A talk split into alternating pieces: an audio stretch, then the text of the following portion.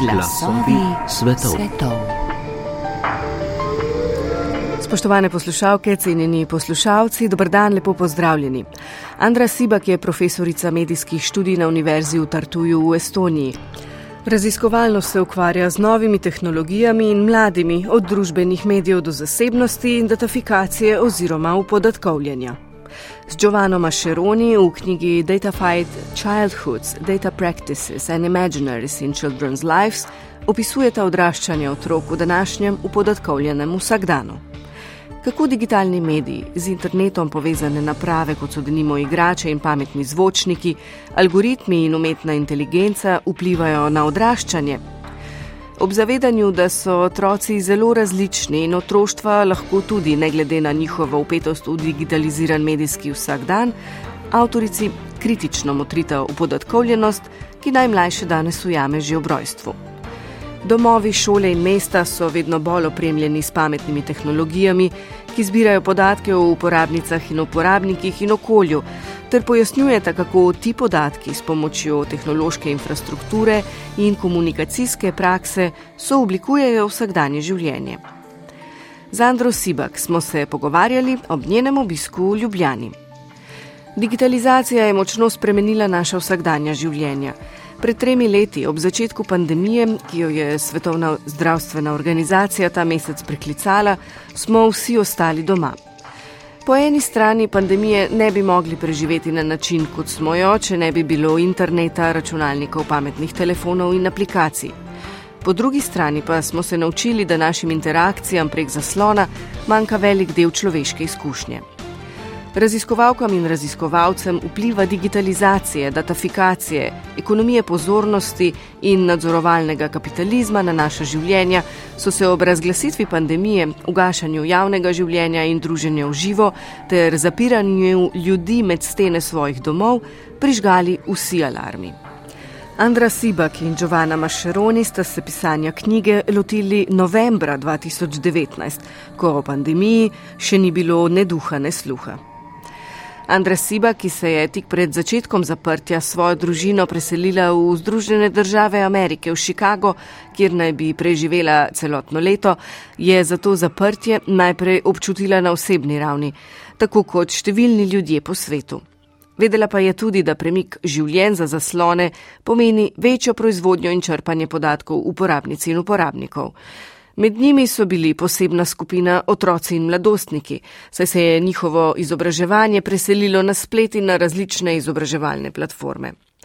Določene tehnologije, ki so se začele nenadoma množično uporabljati, so bile podatkovno požrešne na zelo različne načine, opozarja raziskovalka, ki v knjigi Data Fight Childhoods, Data Practices and Imaginaries in Children's Lives razkriva, na kakšen način je sodobno otroštvo upodatkovljeno doma, v šoli in v vrstniški skupini.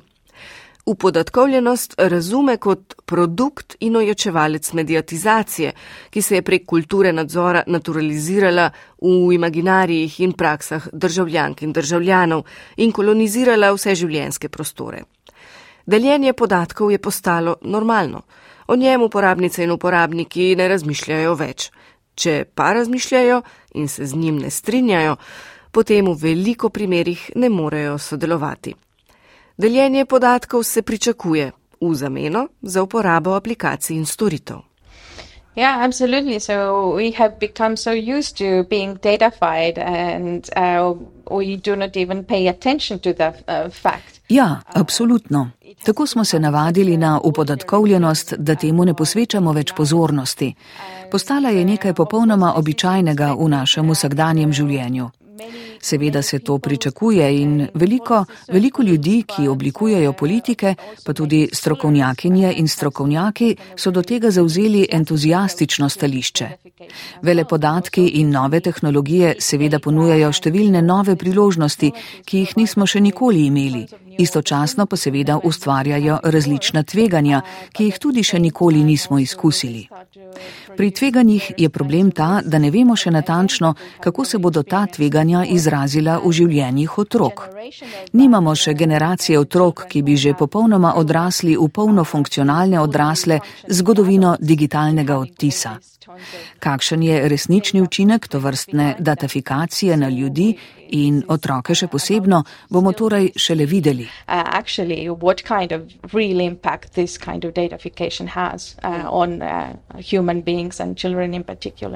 v naših predstavah so podatki nekaj objektivnega, zanesljivega in točnega.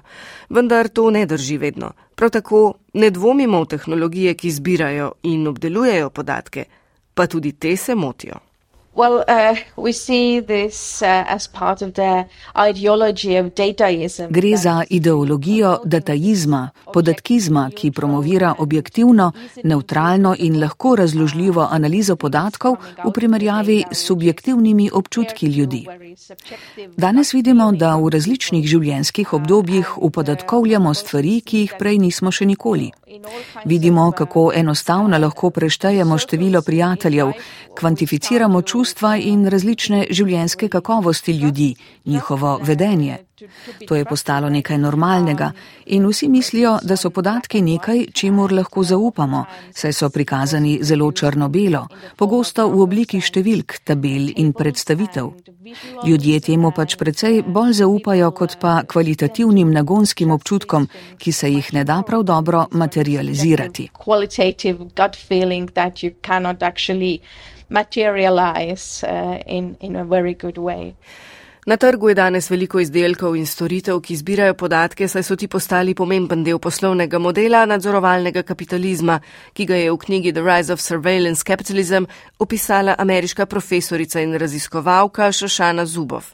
Kot izpostavlja Andra Sibak, se začne upodatkovljenje že pred rojstvom otroka z aplikacijami za spremljanje nosečnosti pregnancy apps really have started to be uh, quite important. Uh, Aplikacije za spremljanje nosečnosti so postale precej pomemben del ženskosti, še posebej, če ženska želi zanositi ali pa že pričakuje otroka.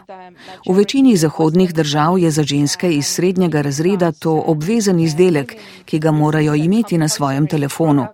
Seveda smo zelo očitno v času pandemije videli med ženskami izjemno povečanje uporabe teh aplikacij. Na prvi pogled se je zdelo, da gre za eno dobro posledico ujetosti v lastnem domu zaradi COVID-a z zornega kota dejavnosti, ki smo jih začeli početi. Ampak resničnost v ozadju uporabe teh aplikacij je drugačna. Ljudje niso imeli možnosti, da bi šli k svoji zdravnici in babici, zato so si začeli prenašati aplikacije v upanju, da bodo dobili vsaj neke vrste medicinski nasvet ali zagotovilo, da nosečnost poteka v redu, da je z njihovim zdravjem vse v redu. Očitno je aplikacij za spremljanje nosečnosti res veliko, ponujajo pa različne vrste znanj. Številne med njimi ponujajo informacije o tem, kako postati dober starš, kako postati prava mati. Nekatere aplikacije so namenjene očetom ali moškim, ki bodo to šele postali. Izobražujajo jih o tem, kako postati ljubeč oče, prav tako pa želijo predstaviti očetom, kako njihov otrok raste. To včasih počnejo na zelo stereotipne načine, saj primerjajo velikost dojenčka s pečenim piščancem, naprimer, ali steklenico piva. Nekatere aplikacije ponujajo zdravstvene nasvete. Ampak težava s temi zdravstvenimi nasveti je v tem, da aplikacije za spremljanje nosečnosti niso ravno medicinski izdelki. Nikakršne strokovne organizacije ni, ki bi potrjevala njihove trditve. V številnih primerjih so nasveti v aplikacijah v nasprotju z nasveti zdravstvene stroke. Takšne aplikacije torej nudijo na svete, ki niso koristni ali pa so v nekaterih primerjih celo škodljivi za noseče ženske. Ampak tega nihče ne preverja, zato ne vemo natančno. Očitno v številnih primerjih takšne aplikacije izvabijo veliko intimnih informacij, ki jih moraš predati aplikaciji, če želiš dostopati do vsega tega zanimivega znanja, ki se ponuja. In teh zanimivih podatkov aplikacije ne delijo le z oglaševalci. Številne izkušnje kažejo na to, da aplikacije te podatke delijo tudi z delodajalci, zavarovalnicami in še kom. Uh, indicating that it's also shared with employers, insurance companies, and, and whatnot. To je seveda šele začetek. Ko se otrok rodi, imajo sodobni starši na voljo številne povezane pametne naprave. Te z različnimi senzorji nadzirajo novorojenčka in njegove življenjske funkcije. Pojasnjujejo, zakaj naprimer joče in ali ga je že treba nahraniti. Gre za proces, ki se hrani z negotovostjo staršev o tem, kako pravzaprav biti starš. Starševstvo je danes namreč brezčasno. Dobri starši naj bi bili svojim otrokom na voljo vsakič in vedno, ko jih ti potrebujejo. Te aplikacije utrjujejo to prepričanje in so orodje za dobro opravljanje starševske vloge. Yeah, absolutely. And on the other hand, also are uh, viewed as so-called empowering uh, technologies. Gre za tako imenovane tehnologije, ki opolnomočijo. Ko sem sama odraščala, so moji starši imeli debelo knjigo, ki je bila namenjena novim staršem in je vsebovala številne nasvete, kako vzgajati otroka. Očitno vsi novi starši potrebujejo nekakšen priročnik, kako ravnati s to novo stvarjo. Ampak danes ni treba prebrati knjige, saj imaš lahko številne naprave, ki so namenjene temu, da ti pomagajo. Za svojega dojenčka lahko kupiš naprimer zelo imenitne nove pleničke in aplikacija v telefonu te bo obvestila, kdaj se je dojenček polulal in mu takoj zamenjaš pleničko, sploh ti je ni treba preverjati. Vsa ta obvestila se tudi ujemajo z odgovornostjo staršev in staršem je ta dodatna pomoč, ki jo aplikacije ponujajo, všeč. Od letošnjega januarja je eden najbolj oglaševanih izdelkov z področja baby tehnologij samovozeči voziček. Ni ga treba več porivati z rokami, še naprej se lahko pogovarjaš po telefonu ali se ukvarjaš z drugim otrokom, voziček pa bo sam peljal dalje. Ima tudi zavore. Če je treba, če se naprimer začne sam spuščati po klancu navzdol, se bo samodejno ustavil, ko bo dosegal previsoko hitrost. Je torej zelo priročen, stane 800 dolarjev. To je še en primer, kako s tehnologijo olajšati starševstvo in ga napraviti prijetnejšega. Seveda je od naprave odvisno, kakšne podatke zbira, vsekakor pa so vsi poslovni modeli tehnoloških podjetij del nadzorovalnega kapitalizma. Podjetja se ne osredotočajo na to, da bi vam olajšali starševstvo kot tako, ampak da bi vas prodali kot svoje izdelke in ustvarili profit. To je treba podčrtati. More convenient as a parent as such, but still focused on selling your product and making a profit. So that's, that's need to be uh, reminded. Upodatkovljanje otroštva je močno povezano z mediatizacijo starševstva. Avstralska sociologinja Debora Lupton pravi, da gre pri tem za nadzor intimnosti in uporabo podatkov za lajšanje skrbi za otroka oziroma caring data valence. Yeah, the caring data valence, I really like this concept because uh, it very nicely. Zelo mi je uh, všeč koncept, ki ga opisuje caring data valence, saj zelo lepo po eni strani pokaže tveganja in težave nadzora prek podatkov, torej data valence, hkrati pa tudi vidik skrbi, ki prihaja naravnost od izkušenj staršev. Zakaj starši začnejo uporabljati vse te naprave in aplikacije? Ne zato, ker brezupno želijo nadzorovati svoje otroke ali ker so tako osredotočeni na nadzor, ampak zato, ker želijo biti dobri starši. In to je znak njihovega ljubečega in skrbnega odnosa z otrokom. Po njihovem mnenju je torej najbolje, kar lahko storijo ali ponudijo otroku, če kupijo še eno kul napravo ali si naložijo aplikacijo, ki jim omogoča, da so zelo dobri in kot osebe ravnajo pravilno. Menijo, da morda brez vsega tega ne bi bili tako dobri starši.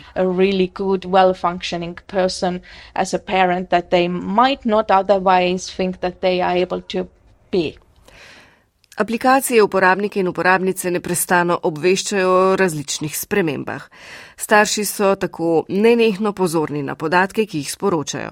Kot razlaga profesorica doktorica Andra Sibak, se včasih zgodi, da so podatki napačni, zaradi česar se starši po nepotrebnem vznemirijo. We have um, made some uh, empirical studies in, in Estonia with parents who use uh, tracking uh, apps or tracking devices to track on their children. V Estoniji smo opravili empirične študije s starši, ki pri svojih otrocih uporabljajo tehnologije za sledenje. Običajno so to šoloobvezni otroci. Opravili smo intervjuje z otroki starimi od 8 do 13 let in njihovimi starši. V večini primerov starši pravijo, da zaupajo informacijam, ki jim jih posredujajo aplikacije. Ampak hkrati pa nam povedo zgodbe, ko so bili v stanju šoka in panike, ker je aplikacija sporočila informacije, zaradi katerih so postali zelo zaskrbljeni. No, na koncu se je izkazalo, da podatki niso bili resnični. En starš je naprimer povedal zgodbo o tem, da ni mogel priklicati svoje hčerke.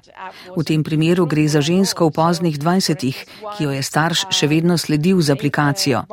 To je sicer že povsem druga zgodba. Ampak starš je opazil, da je dekle na urgenci, zato je panično začel klicati dekle v upanju, da bi izvedel, kaj se je zgodilo. Izkazalo se je, da ima dekle fanta, ki živi ob stavbi urgence. Aplikacija je torej prikazala rahlo drugačno lokacijo, ampak starš je bil zelo, zelo zaskrbljen, dokler ni izvedel, kaj se v resnici dogaja z otrokom. Sicer pa je raziskava pokazala, da je večina tih otrok, starih od 8 do 13 let, precej zadovoljnih s tem, da jim starši sledijo, da nadzorujejo njihovo lokacijo. Ne vidijo, da bi bilo s tem kaj narobe. Kot pravijo, tudi njih te aplikacije pomirjajo, saj vedo, da je starš vse čas na dosigu roke, da bo vedno prišel, kadar bodo zašli v težave in jim pomagal reševati katerikoli problem že, s katerim se bodo soočili. Z našega zornega kota pa rahlo skrbi dejstvo, da za nekatere otroke takšna varnost pomeni, da jim ni treba biti odgovoren za svoje vedenje in dobro počutje. Vedno namreč ta figura helikopterskega starša lebdi nad njimi in zato lahko počnejo, kar se jim zahoče. Vedno je tam starš, ki jih bo rešil.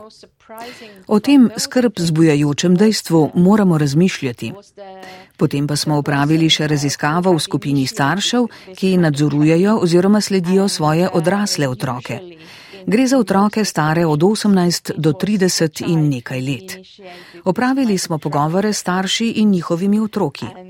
Najbolj presenetljiva pri tem je bila ugotovitev, kdo je dal pobudo za to vrstno sledenje.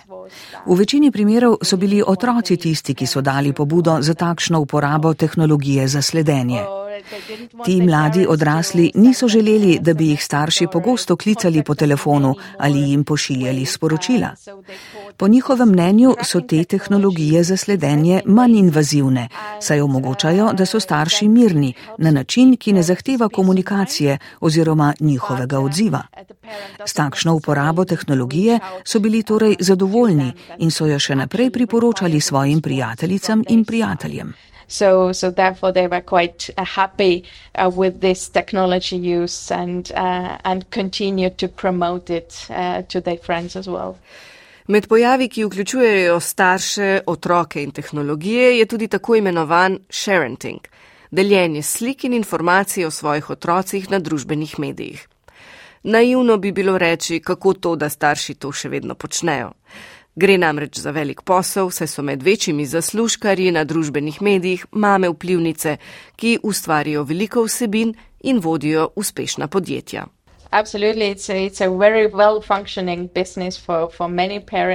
Ja, to je zelo dober posel za številne starše.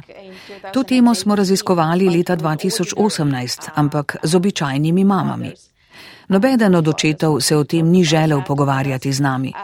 Tudi to, kar nekaj pove o starševstvu. Običajno so torej matere tiste, ki govorijo o uporabi tehnologij za sledenje, o sharentingu, o vseh stvarih v zvezi s starševstvom.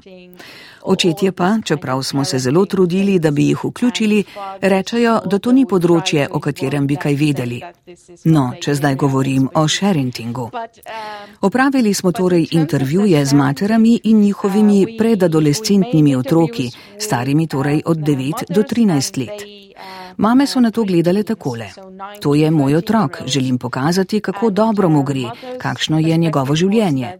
Ne želim mu povzročiti škode, ampak to sem jaz, jaz sem starš. In edini način, da pokažem, da sem starš, je, da pokažem ali govorim o svojih otrocih. Otroci so imeli nekoliko drugačen pogled na vse skupaj. Pogosto so jim šle na živce odločitve, ki so jih sprejeli njihovi starši. Sicer niso bili povsem proti sharintingu, ampak povdarjali so, da bi se jih moralo vključiti v te odločitve. Želeli so se odločati o tem, kakšne fotografije starš deli na družbenih omrežjih in katere informacije razkriva.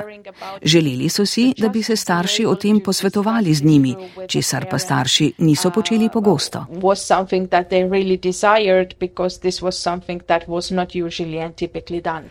Otroci v podatkovljenem, mediatiziranem in digitaliziranem svetu že zelo zgodaj začnejo uporabljati naprave in aplikacije. Kot pravi doktorica Andra Sibak, se to zgodi zelo zgodaj, že z rojstvom.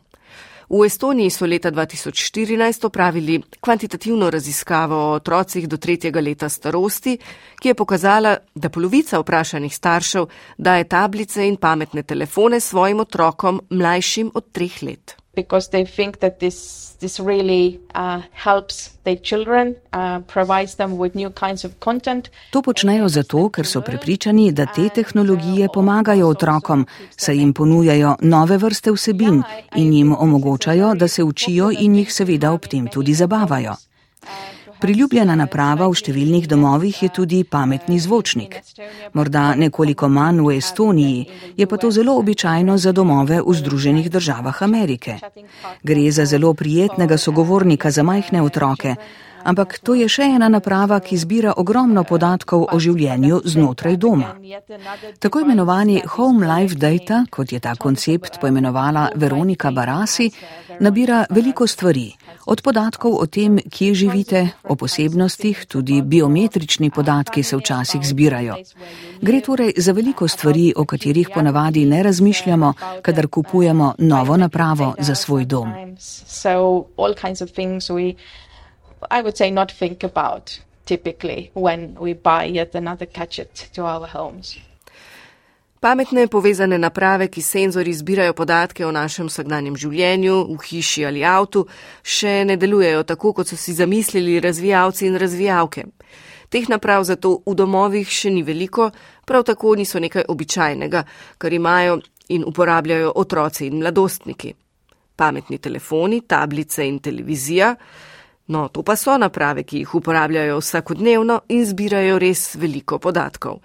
V takšnem okolju se zdi vse bolj nujno razmišljati o pravicah otrok in njihovi zasebnosti. Well, I obviously think that this is an important topic to think about and to consider. Očitno menim, da je to pomembna tema, o kateri moramo razmišljati in se z njo ukvarjati. Ne bi pa rekla, da se starši ukvarjajo s temi vprašanji, ko se odločajo za nakup nove naprave. Pa ne samo starši, večina ljudi o teh stvarih ne razmišlja. Težava je po mojem mnenju deloma ta, da se ljudje še vedno ne zavedajo, kaj vse te tehnologije omogočajo z zbiranjem in analizo različnih podatkov. Po drugi strani pa je še vedno prisotna miselnost, saj ničesar ne skrivam. V številnih primerjih vidimo, da je to tipičen odziv na številne teme, povezane z datafikacijo oziroma upodotkovljanjem.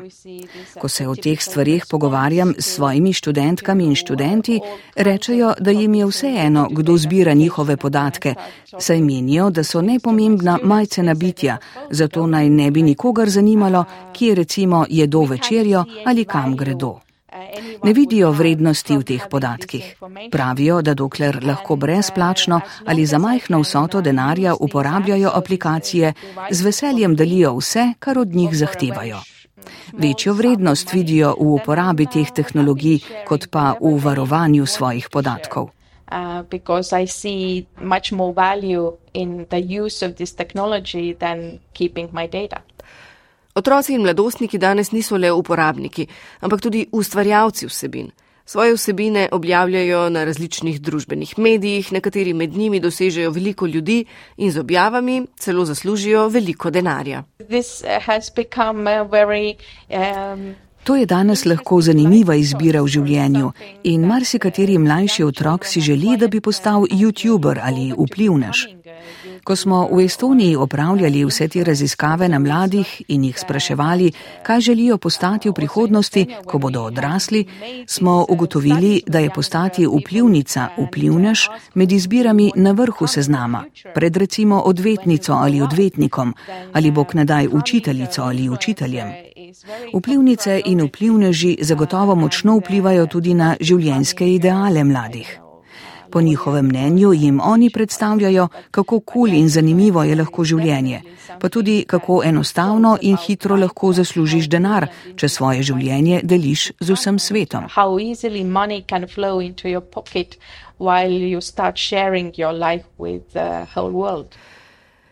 Tudi če otroci in mladi nimajo takšnih želja, pa očitno uporabljajo različne družbene medije, ki s svojimi algoritmi na različne načine oblikujejo njihovo identiteto. Ne glede na to, v kakšnem mnenskem mehurčku so vsebine, ki jih gledajo, so vse bolj enostranske in radikalne. Kot pravi profesorica dr. Andra Sibak, je tudi to nekaj, česar se mladi ne zavedajo, ko uporabljajo družbene medije.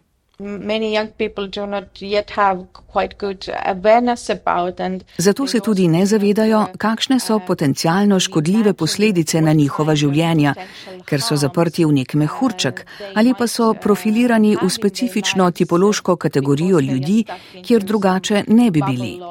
Gre za to, da datafikacija oziroma upodatkovljenje vedno poenostavlja resnično življenje in ga spreminja v črno-beli svet, ne pa upisanega in osebnega osenčenega, kakršno je življenje v resnici. Prihodnost mladih, njihove priložnosti in preživetje so tako lahko precej okrnjeni, ker jih različni algoritmi interpretirajo in kategorizirajo v skupine ljudi s takimi in takimi značilnostmi.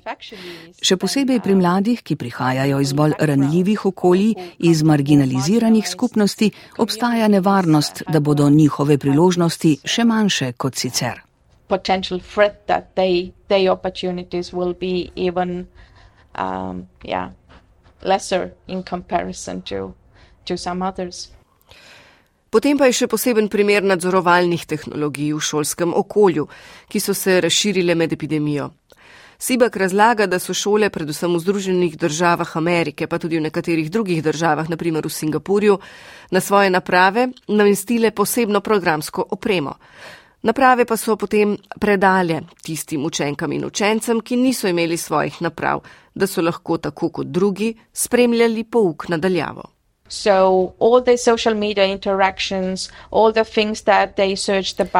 Tako so razvili tehnologijo, ki je beležila vse interakcije na družbenih medijih, vse stvari, ki so jih iskali v iskalnikih, vse, kar so objavljali ali povsod, kjer so imeli stike s svojimi prijatelji. Vse to so spremljali prek te programske opreme. To se je razvilo zato, ker so želeli in še vedno želijo pravočasno zaznati tiste učenke in učence, ki so depresivni, potencialno samomorilni, ki imajo težave z duševnim zdravjem po eni strani, po drugi strani pa tudi tiste, ki so morda nagnjeni k terorističnim dejanjem ali v primeru Združenih držav Amerike pobojem s streljnim orožjem v šolah. Šole so torej začele nakupovati te tehnologije, ker so imele velike upe, da bodo pomagale obvarovati učenke in učence. Kar smo lahko ugotovili iz medijske analize poročanja o teh tehnologijah, pa je, da je ta programska oprema proizvedla veliko lažno pozitivnih izidov. Kaj to pomeni? Če si omenil besedo samomor v neki domači nalogi ali eseju, je programska oprema označila to specifično besedo, učenko ali učenca pa so vzeli pod drobnogled. Šlo je torej za besede, ki so jih uporabili. Če je nekdo denimo večkrat uporabil besedo strelec, kontekst ni bil pomemben. Lahko je tvital z košarkarskega turnirja ali pa si je šel v kino ogledati film s takšnim naslovom. Kontekst ni bil pomemben, tako je bil označen. V medijih je bilo tako nekaj primerov mladih, ki jih je obiskala policija, ker so uporabili besedo bomba ali strelec. Ni bilo pomembno, če so rekli, to dekle je prava seks bomba, vseeno jih je obiskala policija. Pri medijski analizi smo še ugotovili, da so bili ljudje iz marginaliziranih skupnosti s specifičnimi etničnimi ali religijskimi porekli ali s specifičnimi seksualnimi preferencami tisti, katerih vsebina se je najpogosteje označevala. In v veliko primerjih je šlo za mlade, ki so morali uporabljati šolsko opremo. Če prihajaš iz revne soseske in nimaš denarja za svoje naprave, si moral uporabljati šolsko opremo in tako so te avtomatično nadzorovali. Temu se nisi mogel izogniti.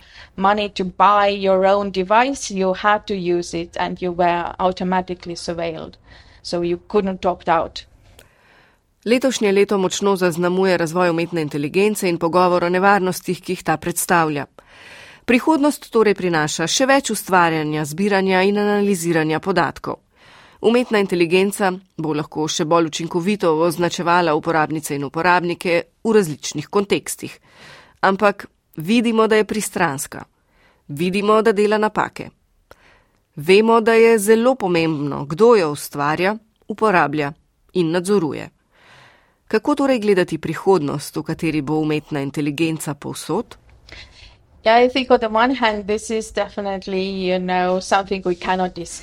Po eni strani je to nekaj, čemur se ne moremo izogniti. Pandorina skrinjica je odprta in tako naprej. Po drugi strani pa imam sama svoje subjektivne najgloblje strahove o uporabi umetne inteligence v izobraževalnem sektorju. To že zdaj vidimo v veliki meri v različnih državah.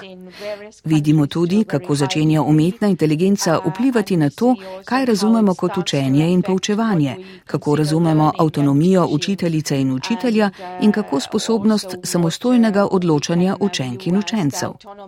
Naj navedem primer iz Kitajske, ki je sicer poseben primer.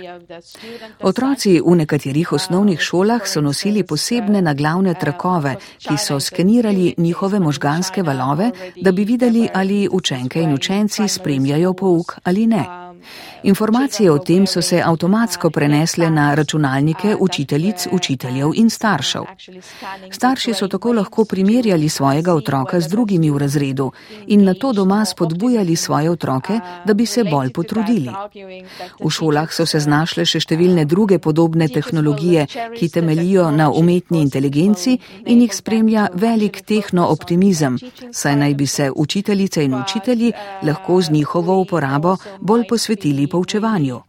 Lahko pa se zgodi, da bi s temi spremembami v prihodnosti dejansko škodili otrokom in mladim, saj jih tako umeščamo v neke predalčke, v katere jih ne bi smeli.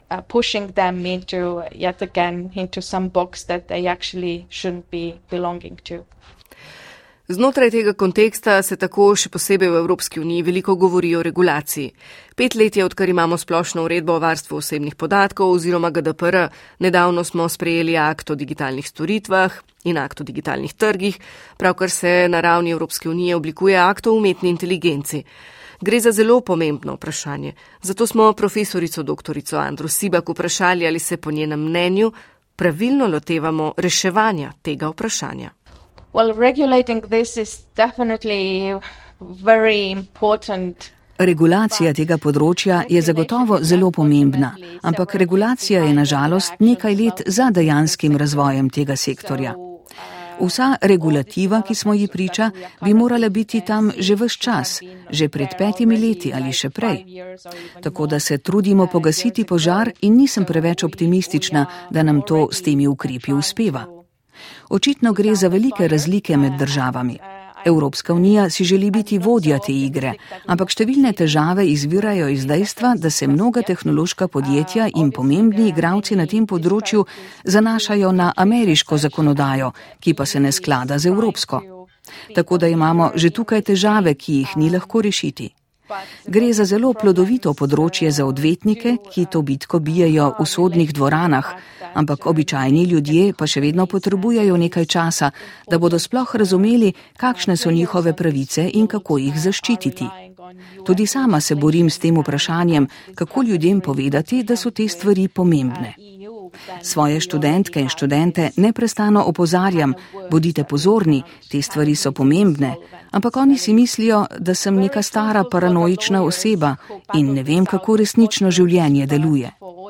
Moja rešitev za to zagato je do zdaj bila, da jim skušam omogočiti priložnosti, kako lahko sami preizkusijo, kako deluje umetna inteligenca in algoritmi. Tako lahko sami vidijo, kako se njihove podatke interpretira in uporablja v različnih okoliščinah. Morda bi to abstraktno in široko temo lahko predstavili na način, s katerim se lahko poistovetijo in začnejo opažati, kako to po eni strani vpliva na njihovo preživetje, po drugi strani pa tudi, da tem tehnologijam ne moremo vedno zaupati. Pa tudi, da te tehnologije proizvajajo podatke, ki so za njihova življenja in identiteto popolnoma nepomembni.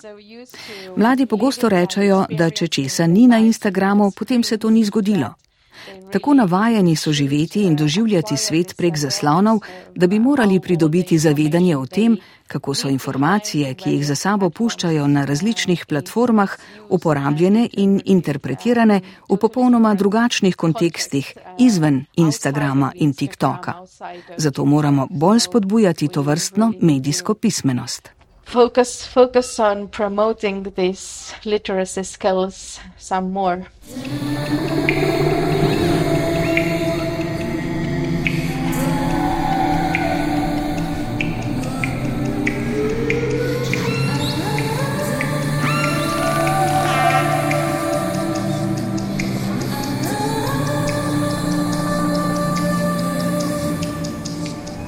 Glasovi svetov. Spoštovane poslušalke, cenjeni poslušalci, hvala za pozornost. Prevode je brala Iva Longika Marušič, za to nje skrbel Vitjenko, odajo sem pripravila Urška Henigman. Vabimo vas, da se na podcast Glasovi svetov naročite tudi v svoji aplikaciji za podkaste.